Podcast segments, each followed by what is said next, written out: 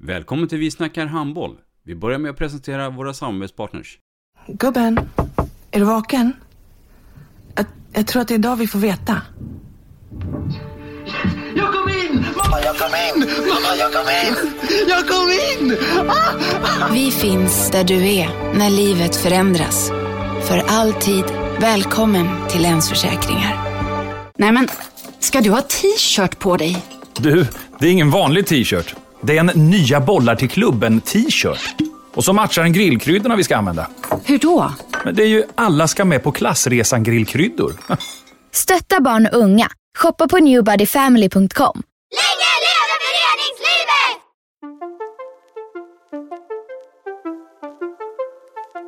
Välkommen säger vi till dig som lyssnar till den nya handbollspodden Vi snackar handboll med Robban Z och Dagge. Vi snackar handboll, där du får veta alla sanningar som du inte visste att du missat. Vi snackar handboll. Idag i programmet Vi snackar handboll så har vi bjudit in en gäst som eh, egentligen aldrig har arbetat förutom att spela handboll och är fortfarande otroligt ung och lovande, Dagge. Nej precis, tydligen inte en enda arbetstimme i hela sitt liv. Vi har, skämt åsido, vi har eh, en av svensk herrhandbolls allra största handbollstalanger på plats här. Eh, en kille som slog igenom tidigt, tidigt, 17-18 år i elitserien. Som 17-18-åring i elitserien. Välkommen William Andersson Moberg. Tackar, tackar. Kul att vara här. Ja, kul att se det här. Du, eh, Ville då, om vi får säga så. Vem är Ville Andersson Moberg?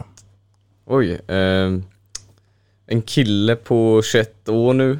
Eh, kommer från Stenungsund egentligen. Alltid haft min uppfostran och sånt där, där med fassan och morsan som varit ledare i alla år. Och jag har egentligen alltid hållit på med handboll från barnsben och är något jag trivs med att göra väldigt mycket. Så det jag delar i princip jag i stora drag.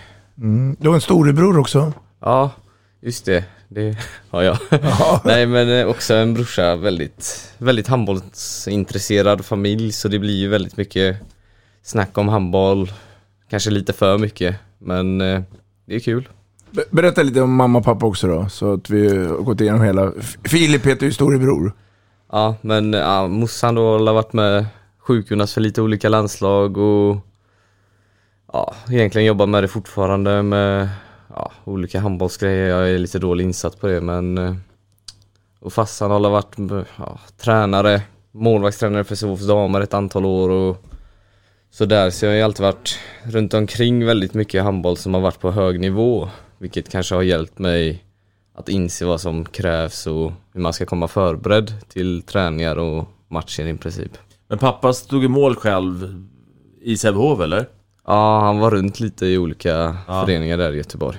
Mm. Mm. Det var rätt självklart att det skulle bli handboll. Eller hade du, när du var liten eller yngre då, annan idéer, alltså andra in- inriktningar? Eller var det handboll som stod först på agendan? Nej, alltså jag hade ju hockey som var nummer ett sporten ett rätt bra tag men sen så växte handbollen fram mer och mer hur äldre jag blev så i 13, 14 kanske så slutade jag helt med hockey och fotboll blev väl mer till och från när jag tyckte att det var gött väder och gå ner och köta lite med vännerna typ men annars var det alltid handboll som var privat från 13-14 års ålder. Och, Du, du är ju uppväxt i, ute i Stenungsund och började din handbollskarriär där. Eh, berätta lite om de här eh, första åren liksom handbollsmässigt. Ja, nej, alltså det är ju det som är så lite charmen med Stenungsund. Vi var ju sällan mer än 10 pers på våra träningar. Så att allt vi gjorde, det fick vi göra liksom hundra gånger om det var en skottfint eller kullager. Allting fick vi träna på så oerhört mycket. Och bara för att vi var så få så blev det ofta så att man tränade med de som var lite äldre och, och då kommer jag ihåg, det var ju det roligaste som fanns var ju då man hade folk till att kunna spela två mål liksom. Det var ju väldigt sällan men det blev ju alltid någon lösning med att morsan eller farsan fick gå ner och stå som försvarare eller någonting och det, det har ju satt prägel lite på ja, hur man ser på handboll nu när man är så många att fan, spela match igen då liksom Det är inte något som alltid var givet att göra på träningen och det är, det är väldigt roligt när man väl får chansen att kunna träna med fullt lag. Mm. Är det. Eh, fast, Och när, och när det väl blev match då med eh, dina eh, lagspelare, då var det mycket speltid. Eftersom ni var också begränsat med antal spelare. Ja, vi hade ju inte så många så Kommer ihåg, vi hade ju någon kille där som eh, Linus heter han, han blev väldigt trött när vi spelade matcher så Han fick ju vila när vi spelade anfall Så fick han bara stå kvar i försvaret för vi inte hade några avbytare och sånt så det det var ju väldigt mycket speltid och det hände så mycket grejer bara för att vi inte hade folk och spelade två man mindre och sånt där så det har ju Man har ju alltid fått spela väldigt mycket och det blev väl chocken kanske när man blev lite äldre att fasen jag spelar inte 60 minuter nu utan vad är det som sker liksom? Ja, ehm, vi, vi, vi kom ju in på det så småningom här att du, det blev ju Sävehof till slut, eller eller senare sen då då. Eh, men jag är lite nyfiken på den här 00-kullen ute i Stenungsund. Eh, är det många som fortfarande spelar? Eh, förutom du och Spante. Finns det fler? Som fortfarande är aktiva? Jag tror inte det. Jag är lite osäker. Kanske var, kan vara någon som spelar lite lägre och spelar för det skoj men jag har för mig att det inte är någon som Nej. håller på att spela fortfarande. Du vill, eh, efter grundskolan så blev du gymnasiet och valet av gymnasiet. Hur gick tankarna här? Nej, det var la rätt klockrent egentligen att det var Katarina Lund eh, som skulle bli där jag skulle gå typ för handbollen och allting. Sen så man var ändå lite osäker för man hade ju hört olika grejer om skolan men eh, det var ändå ett rätt klockrent val och så passade det att vara nära hem, var inte så långt hemifrån Stenungsund heller när man valde att bo där så det var Mm. mer var ett, ja, ett val som bara kom automatiskt Mm. typ och passade mig rätt bra. Du, vet- du vet, det finns ju eh, ett eh, tv-program som heter Tjuren Ferdinand som sänds på julafton. Och så eh, kommer ju Ferdinand in där och eh, alla säger honom vill vi ha. Du spelade förmodligen Sverigecupen. Mm. Hur gick det resultatmässigt? Jag kommer tillbaka till Ferdinand. Nej, Sverigecupen var ju mycket upp och ner för mig. Som vanligt så var jag kanske inte så framträdande i gruppspelet och sådär men eh, för mig att jag spelade en rätt bra semifinal och final i alla Mm. fall. Och i det läget då så, så eh, har du gjort ditt val. Eh, men det sitter ju folk på läktaren, så kallade instruktörer och det, och tittar då. då. Ehm, och förmodligen fick de väl ögonen på dig, eller hade de koll på dig tror du innan Sverigecupen? Eh, vill ju säga att de hade det men Men det vet jag inte om de hade men det kanske var en liten ögonöppnare för dem att man fanns där ute och var redo kanske. Mm. Din roll där då, Dagge, som instruktör, i det här fallet på Arlanda gymnasiet, om man åker ner då till Katrineholm, numera är det Nyköping, men, men, men att vi brukar prata om smörgåsbord. Där fanns det ju gott om individer från norr till söder. Ja, ja, men så är det ju. Det är ju. De allra bästa är ju samlade under den där helgen eh, i Nyköping numera och eh, jag minns ju Göteborgs 00 och, och, och Ville då liksom som den klarast lysande stjärnan liksom. Eh, så att eh, det råder väl inget tvivel om att att, eh, att, eh, att han skulle bli bra. Nej. Det, det, liksom, jag tror att det, det, det ryktet startar långt innan Sverigecupen. I de här extremfallen liksom. Eh, Jag, jag skulle vilja knyta tillbaka lite till det där innan Sverigecupen så eh, Ni gjorde ju ett val där ni ute i Stenungsund att ni bytte till Sävehof. Var det hela lagen som gjorde det eller var det bara några stycken? Nej, det blev ju hela laget. Eh, Vi startade ju ett samarbete med dem, för vi var så få. Om det var första året B-pojk, att vi var där uppe och tränade en dag i veckan och så var de nere hos oss och tränade en dag i veckan. Och sen så blev det så att vi kände att det inte gick att hålla på och pendla så mycket upp och ner och att vi ville vara fler och träna bra. Mm. Och då blev det det naturliga valet, när farsan ändå var i Sävehof också, att kanske gå över helt då. Var, innan ni gick över, var ni, alltså, var ni bättre eller lika bra som Sävehofs 00 Nej, vi var, det var nog en rätt stor skillnad på oss. Ja. Faktiskt. Sen så hade ju de sällan sitt bästa lag när Nej. de mötte oss. Utan det var ju, det var ju så många så det blev ju oftast någon bra här och så lite Ja. sådär. Och vi hade ju alltid vårt lag där alla var rätt. Så ni vann matcherna mot Sävehof? Ja. När ni var små liksom? Ja. Ville om, använder ordet om, om Stenungsunds 00 hade varit kvar i föreningen och ni inte hade gått vidare, stannat kvar. Tror du då idag att man skulle ha haft en, hygglig herrverksamhet idag i Stenungsund? Eh, nej, det tror jag inte. Nej. Utan jag tror att alla hade slutat på grund av olika grejer. Mm. Som det blir nu ändå, att någon kanske skadar sig, någon tycker det är roligare att göra annat. Och det blir ju ofta så i den åldern att man hittar grejer som är roligare och motivationen vacklar lite. Så jag tror att det hade nog tagit död på nästan alla där istället, om vi var kvar. Mm. Tyvärr. Är handboll för dig all in eller hinner du med att göra andra saker nu? För nu är du betydligt äldre än under den här tiden när du lämnade sen Stenungsund. Eller är det fortfarande bara handboll som gäller för dig? Nej, det är ju, handboll har ju största tiden och man får ju anpassa schemat efter det men jag tycker jag har börjat göra mer grejer utanför och kanske försöka hitta något som jag verkligen tycker är kul att göra. Kanske ska börja plugga något eller jobba. Ja. Eller någonting som man släpper tankarna lite på det för nu som det har varit så har det alltid varit handboll, handboll, handboll. Så det kan nog vara rätt skönt att hitta något som kanske ja, inte har något med handboll att göra i princip. Mm. Vad säger du Dagge? Mm. Det rätt Ja, tänkt? men jag tror också det. Ehm, det. Finns det planer på studier? Ja, finns det att plugga upp lite betyg kanske, men det kommer väl eventuellt lite längre fram i sådana fall i det är något ja, dagjobb, några Mm. timmar kanske.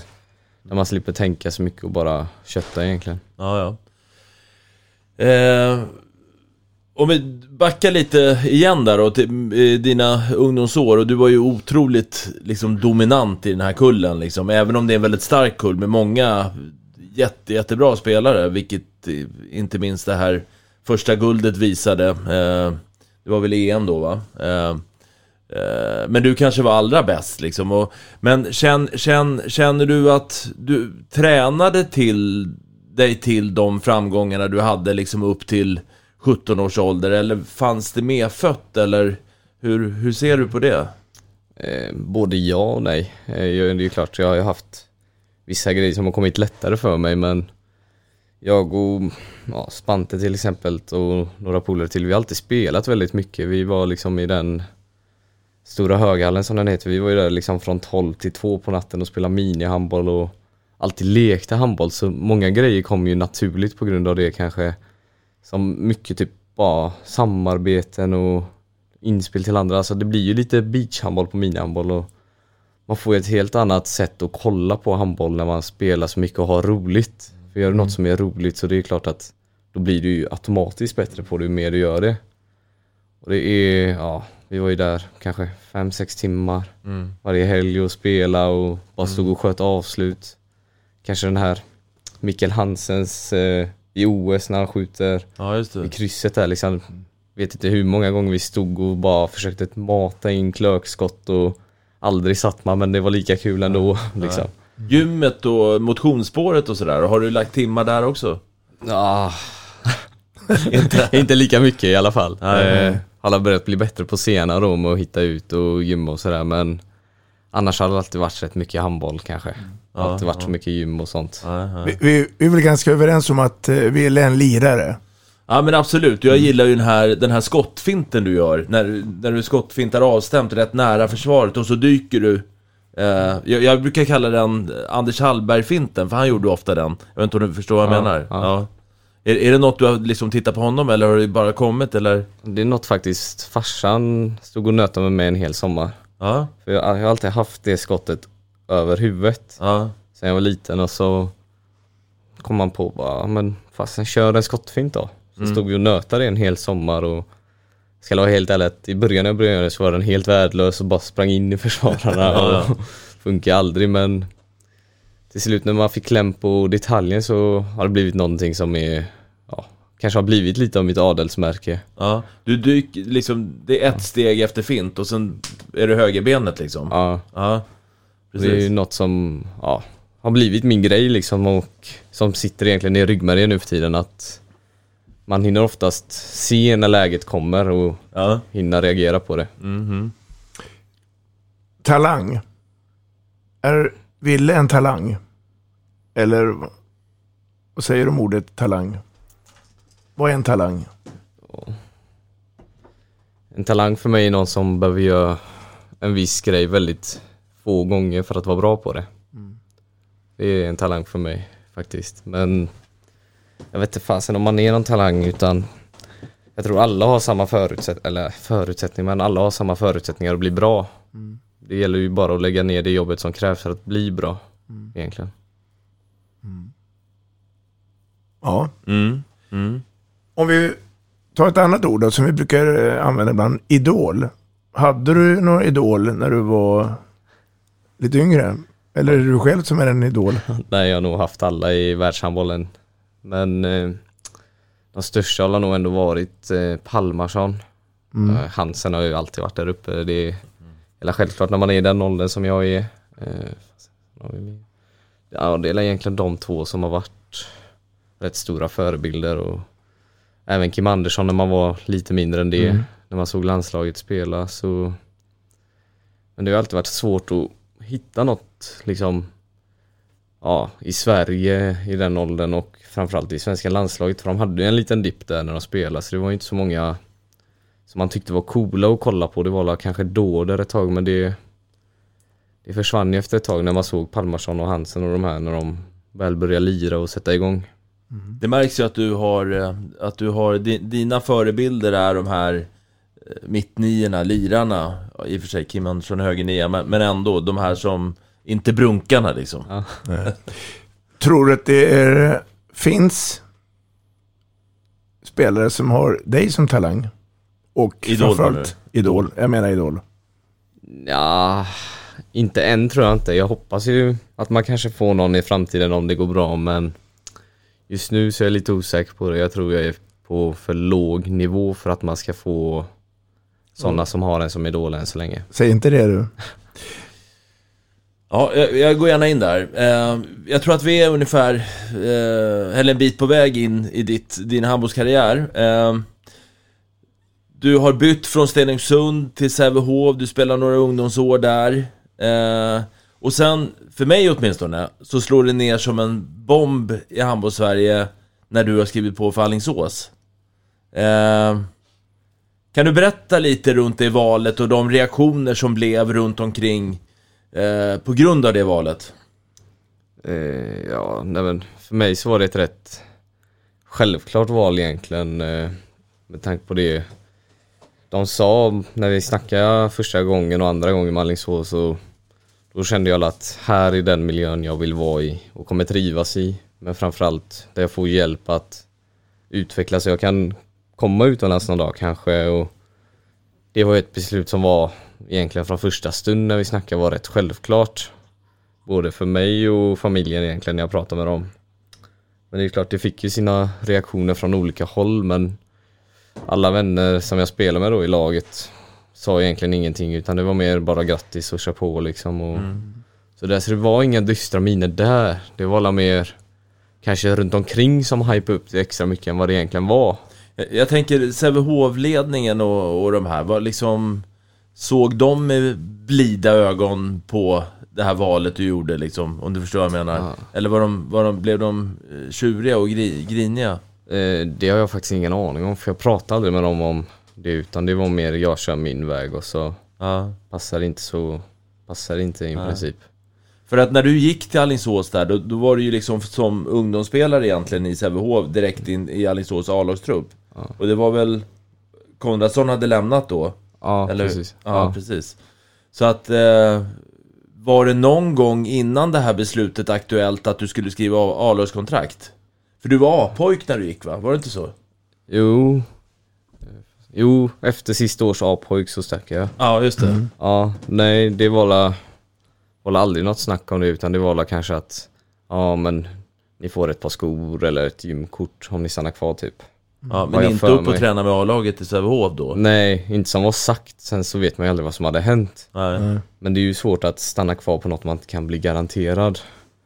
Och då kände jag att där i Alingsås så fick jag i alla fall vara garanterad att träna med A-laget och utvecklas hela tiden och alltid möta spelare som är bättre. Och det triggar ju igång mig lite att fastän jag vill ju ändå vara med där uppe och se och lära och kanske ta två, tre år med bra träning innan jag kanske är redo för att gå in och spela mycket. Mm. Och sen, ja, så det var alltid ett rätt klart val egentligen. Mm. För jag, jag, precis, jag, jag, kan ju för, jag kan ju förstå det valet på så sätt i och med att Alingsås har varit väldigt duktiga på att nypa de här allra största talangerna med Konradsson och Felix Klar och, och du själv eh, och så vidare. Men också väldigt modiga att ge er chansen tidigt liksom. Jag menar, du lirade väl direkt där på hösten rätt mycket egentligen?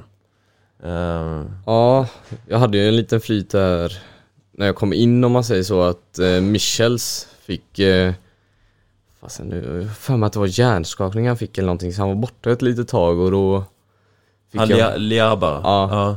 Och då fick jag ju chansen och det enda som gick i huvudet då var att ta den egentligen.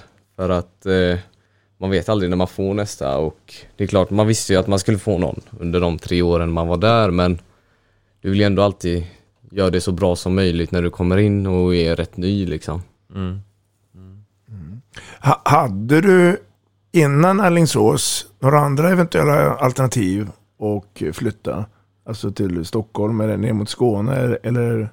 Nej, det Fanns var, de? det var egentligen vara kvar eller Ja, eller gå till Alingsås Ja. då. Utan det som var Det kom ju så sent det här med Alingsås. Det kom ju nästan två veckor efter steg fem någonting har jag för mig. Mm. Så det var ju rätt sent in på säsongen och allting. Så det var ju Gjorde det ännu mer, ja Kanske lite hett då att man aldrig var på någon träning med SHF utan man slutade gå för att det var på gång och Sådär, så det Hela det ångrar mer att det kom Allting gick så snabbt Mm.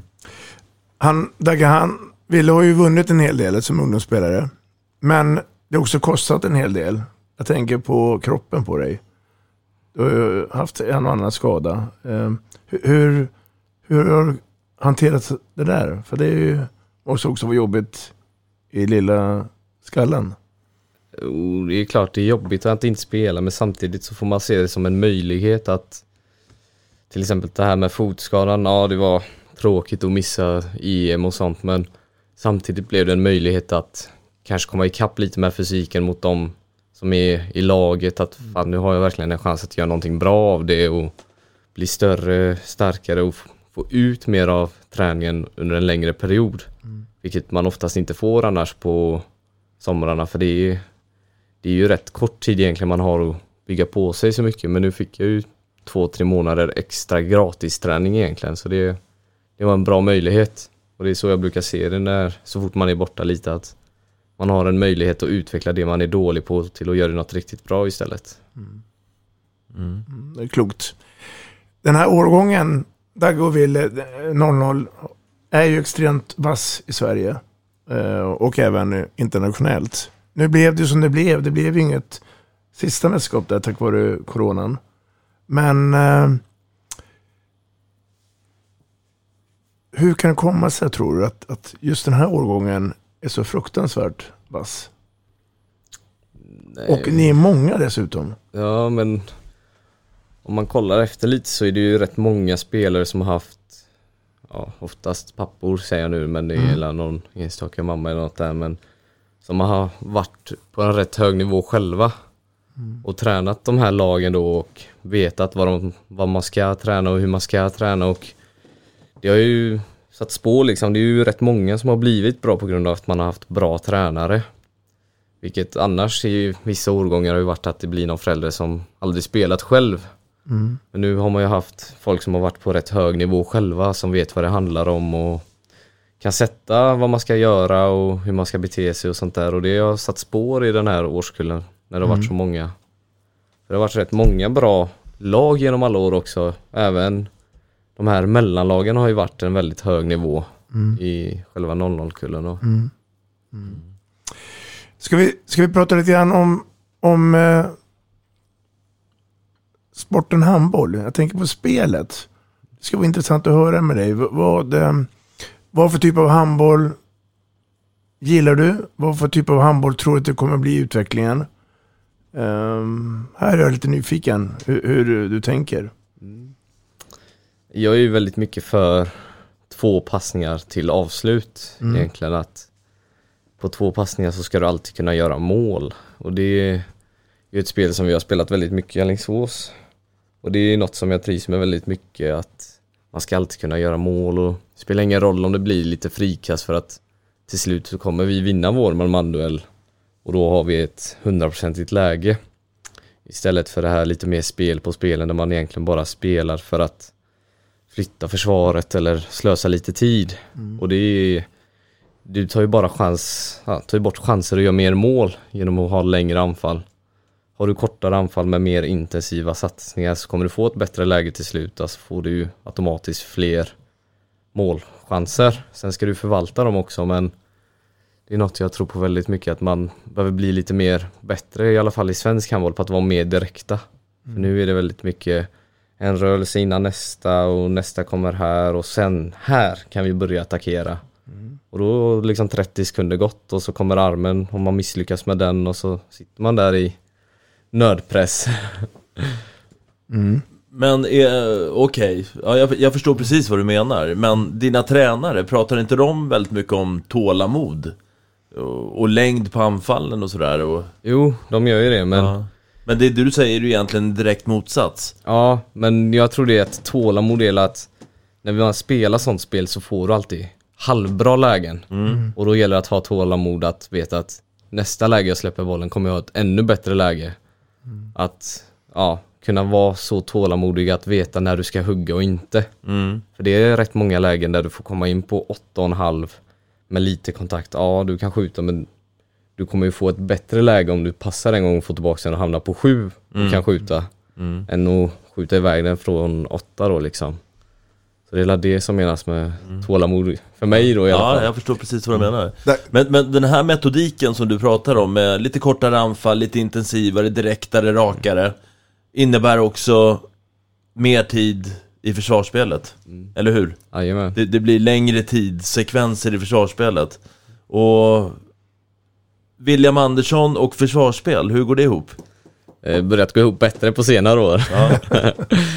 Nej men det Det börjar bli bättre. Det är något jag tränar på varje dag och försökt jobba med Ja, alltså försökt utveckla det hela tiden egentligen men det Det har tagit lite längre tid än anfallsspelet när man kommer upp och nu känner jag väl för första gången i år att jag börjar bli redo att spela lite mer bakåt och Vänster två då eller? Ja, Ja. och kanske försöka verkligen gå in och spela lite mer bakåt och Precis. Mm. Jag känner ju sådär, du har ju ett sånt fruktansvärt spelsinne så att liksom att inte spela bakåt gör ju att en hel dimension av ditt handbollsspel egentligen försvinner. Jag tänker på fas 2-spelet. Eller hur? Det, liksom, Mm. Ja. det borde ju passa dig jävligt bra. Ja, det är något jag trivs med väldigt mycket. Ja. Att få driva upp bollen framförallt. Jag är inte så mycket för att passa och Nej. utan jag gillar mer att få den i mitten och driva kanske upp och hitta något läge från det. Och det är ju något som kan kanske utveckla mitt spel ännu mer. Mm. Genom Men försvarsspelet. du har spelat en del bakåt i år eller? Ja, det blev lite mer i år ja. Ja. Okej, okej. Det var, var kul, det blev lite som ett kvitto att det man har tränat på ger lite Ja. resultat. Hur har ni tränat då då? Jag är lite nyfiken här.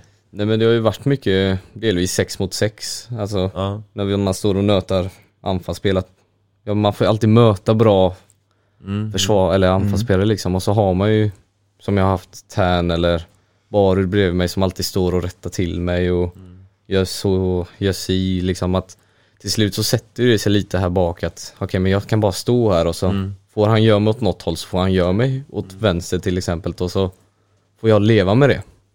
Ja. Men, tidigare då, eh, att du har varit lite sämre bakåt än framåt, eller ganska mycket sämre egentligen.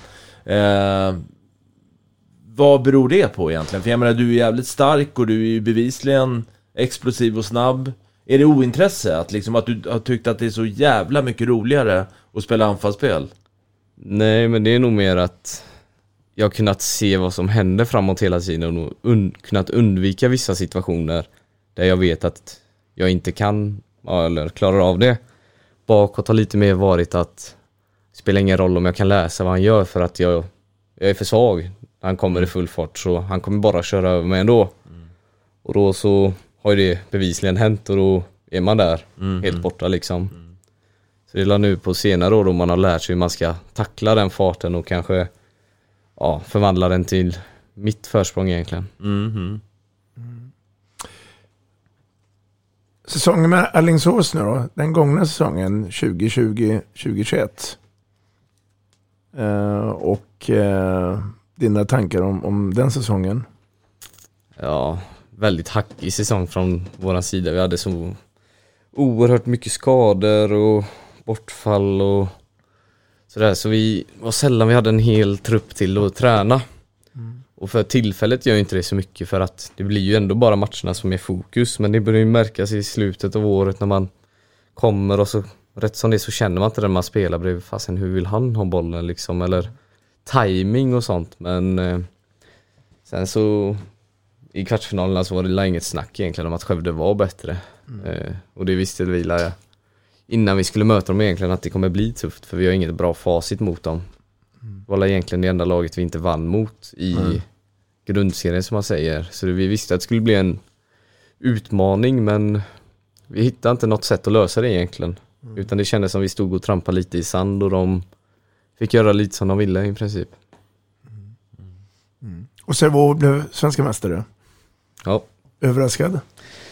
Eh, ja, det får jag nog ändå säga. Eh, jag trodde faktiskt det var några andra lag som skulle vara där uppe och nypa men eh, de spelar faktiskt bra handboll Mm. och då, det kommer man väldigt långt på Mm. om man gör det och de verkar ha en bra harmonik i laget och sådär så det, nej, de var alla värdiga vinnare ändå får man säga. 3-0. Är det någon i Sävehof du imponeras lite extra av? Eh, Jag tycker ändå Felix Möller, jag trodde inte han skulle göra det så bra som han gjorde när han kom in där faktiskt. Det är en rätt tung position att komma in på när man är rätt ung och står på mittsex men framförallt eh, trea-spelet. Det är något man inte ser i dagens handboll att någon som är så ung kommer in och håller tight där liksom. Mm.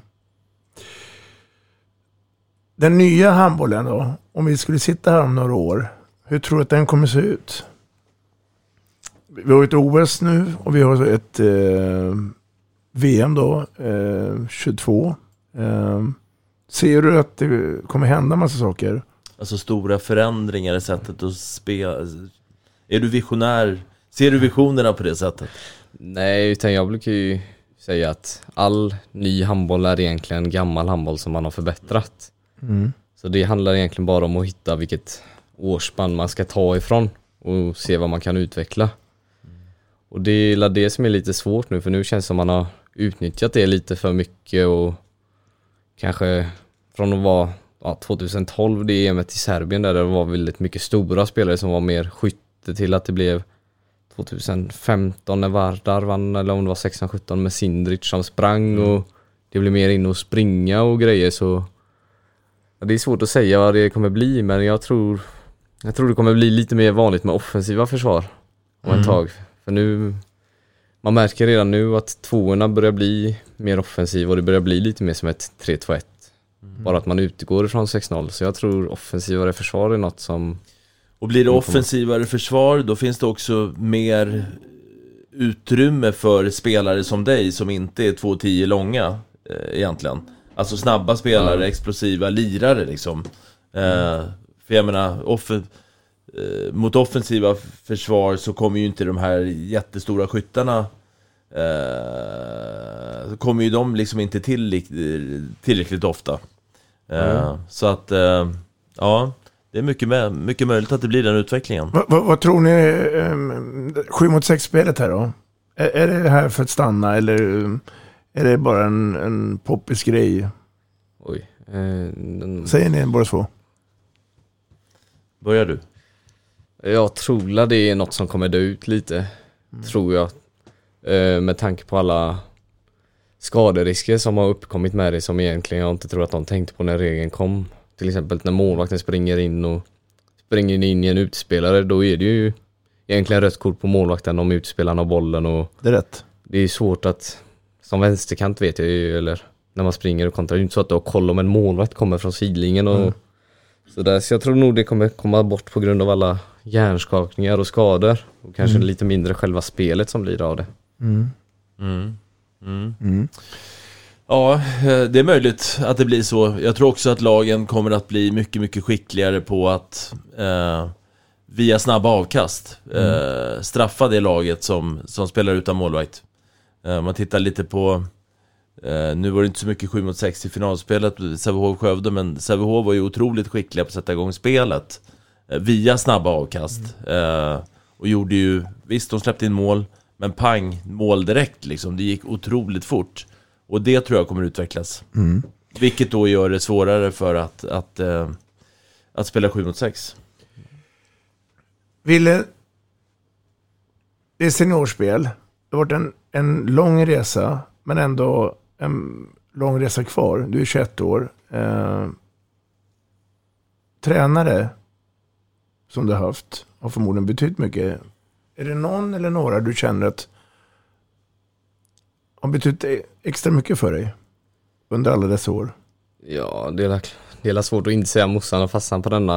Eh, har ju alltid varit med egentligen och stått och nött grejer och så men om man ska bortse från det så en sån som Frasse har ju alltid betytt mycket eller utvecklat mig mycket. Samma som den korta perioden Matte Flodman var där. Betydde Mm. väldigt mycket för mig med lite små detaljer i spel och sådär. Så det är alla de egentligen som har varit där och verkligen haft en in, alltså ändring på mitt spel som har blivit bättre. Om vi pratar lite landslagsspel. Eh, nu har du ju lämnat den, de yngre lagen och eh, det stora landslaget ska ju spela ett olympiskt spel i Tokyo. Och gjorde en fantastisk resa i samband med VM i Egypten. Blev du överraskad när Sverige presenterade Glenn Solberg som förbundskapten? Eh, ska jag vara helt ärlig så visste jag ju faktiskt inte vem han var. Nej. Han blev presenterad så jag hade inte så mycket att säga om det eller vad jag tyckte utan det var mer det jag blev chockad över var att det inte var en svensk förbundskapten. Mm. Som chockade mig då egentligen. Mm. Spelar Sverige idag en modern handboll? Vad säger ni? Ja, jo men det får man väl lov att säga att de, de gör. Vi har ju massvis med spelare i, i Bundesliga som Och det får man väl ändå tro är den eh, modernaste handbollen i världen Och världsledande handbollen så att Så att absolut, men den stora grejen tycker jag är ju under Glenn Solberg Det är ju just det här som vi har varit inne på tidigare att Det är färre byten framåt bakåt Mm. Och eh, Sverige gör mål i fas 2-trycket på ett annat sätt än, än vi har gjort de senaste tio åren när vi har haft två stora mittsexer i, i, i, eh, i zon 3 och vi ska göra det där bytet och vi tappar den i kontringsspelet. Nu är, spelar Karlsbogård där och, och som är liksom duktig och giftig i det spelet. Eller vad säger du Wille? Ja, nej, jag håller med. Det har blivit en del av- lite på väg mot det nya nu att ta bort så många anfall försvarsbyten som går för att få med hela laget och det ger utdelning. Mm.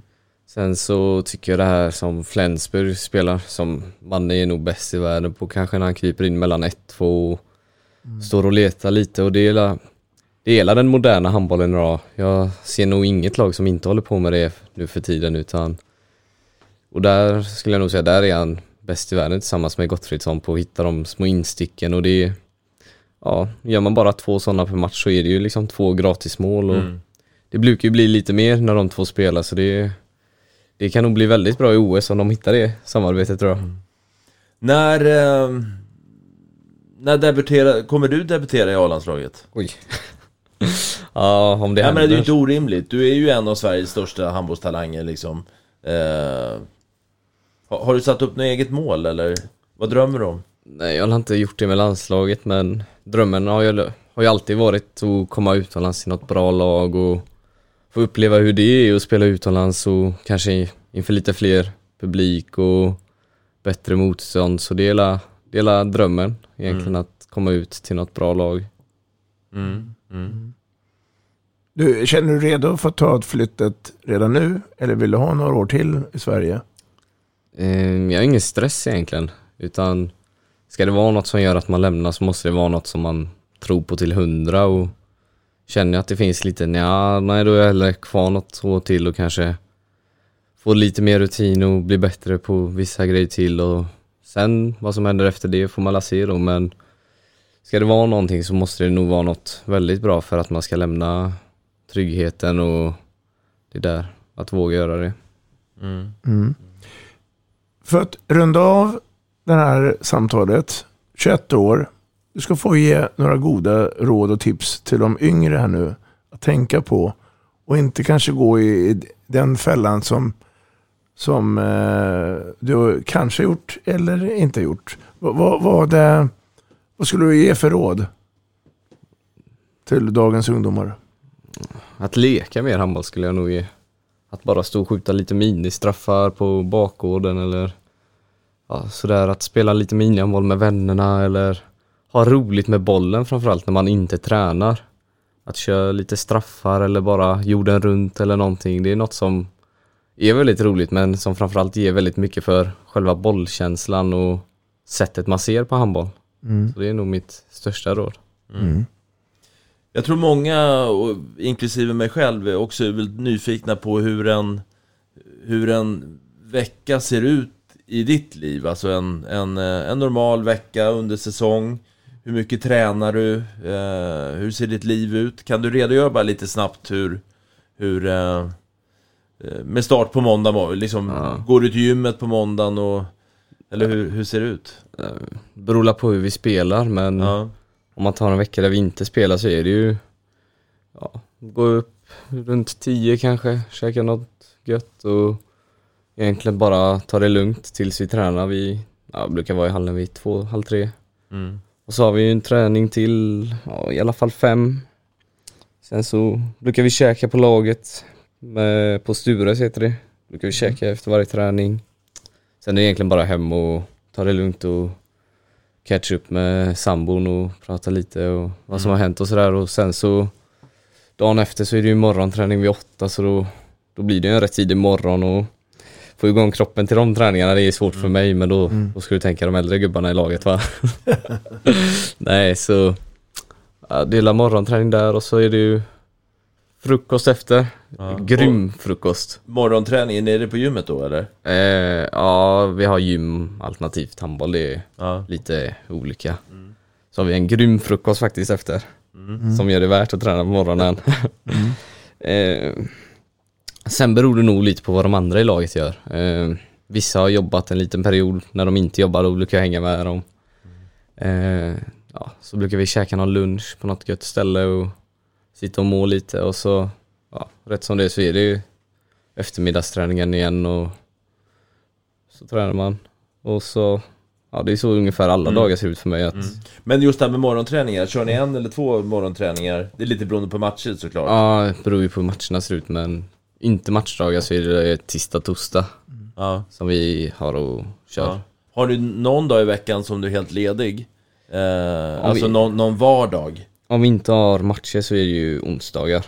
Mm. Så det brukar vara, säg nu under försäsongen så är det ju onsdag och söndagar då.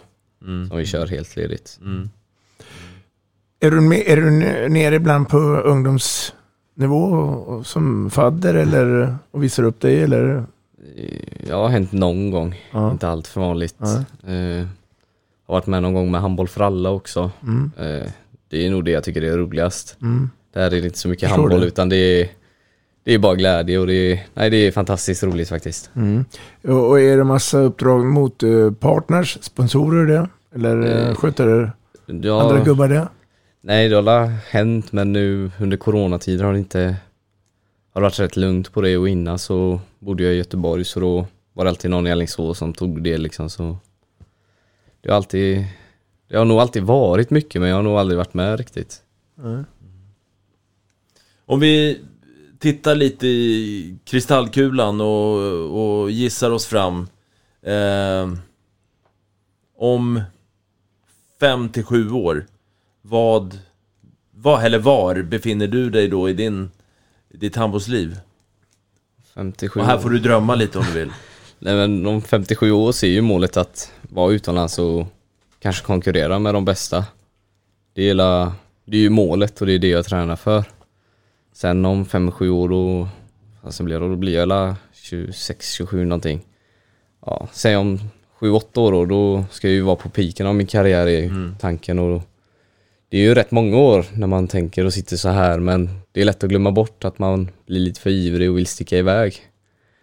Eh, Så det är ändå skönt att ha något att kunna få ner den lite på jorden att om 6-7 år, det är en lång tid och då ska jag vara som bäst. Så det, det är rätt skönt att ha en sån målsättning att det är ett tag kvar för att inte känna för stor press då när, när man alla väl börjar fråga, börjar det bli dags eller ska man sticka eller är du kvar? Får du de frågorna nu? Jag har börjat komma lite nu på senaste tiden här men jag får se det som att det är något som är kul egentligen, att man har gjort något bra men det kan ju bli mycket bättre. Ja. Känner du att, du hade ju liksom en spikrak utveckling egentligen, allt gick ju så väldigt fort från 17 års ålder och uppåt och sådär. Känner du att den kurvan har fortsatt liksom lika spikrak eller har den planat ut lite eller? Ja, jag hade la lite överfart där i början. Eh, Men nu känner jag att den börjar gå lite uppåt igen. Mm. Den är, har varit lite hackvis senaste tycker jag. Och det är mycket skador kanske som... Ja, eller mycket sätt och, som händer tror jag framförallt att det, vissa grejer har tagit lite längre tid för mig. Och det börjar la, det som jag började träna på kanske för två år sedan, det är kanske det som börjar ge lite resultat nu. Mm. Mm. Och det är det jag hoppas på och när man väl får fart på det så tror jag det andra kommer lite som ketchup-effekten på köpet.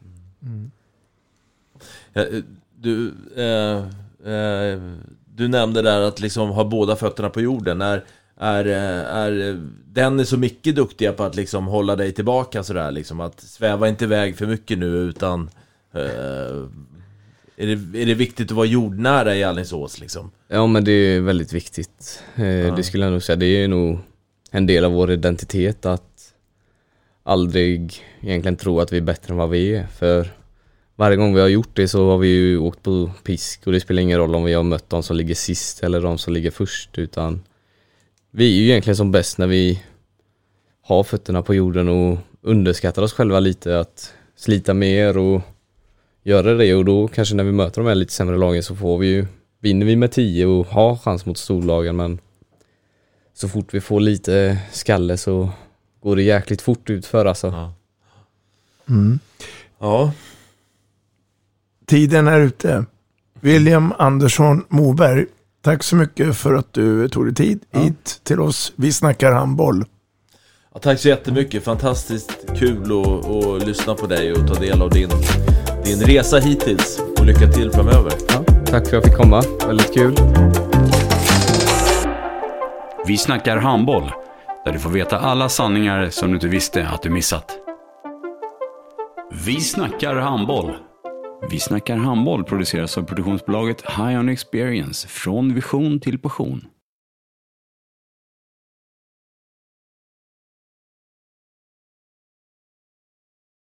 Ett avslutande tack till våra samarbetspartners. Hallå! Kommer ni eller? Ja, ja. Har du sett mina ankelsockar? De här? Nej, nej, jag menar skridskoslip till juniorlaget Ankelsockarna. Ja, men kolla bredvid träningsläger med handbollstjejerna-t-shirtarna. Stötta barn och unga. Shoppa på newbodyfamily.com. Länge leve föreningslivet! Gubben, är du vaken? Jag, jag tror att det är idag vi får veta. Jag kom in! Mamma, jag kom in! Mamma, jag kom in! Jag kom in! Ah! Vi finns där du är när livet förändras. För alltid välkommen till Länsförsäkringar.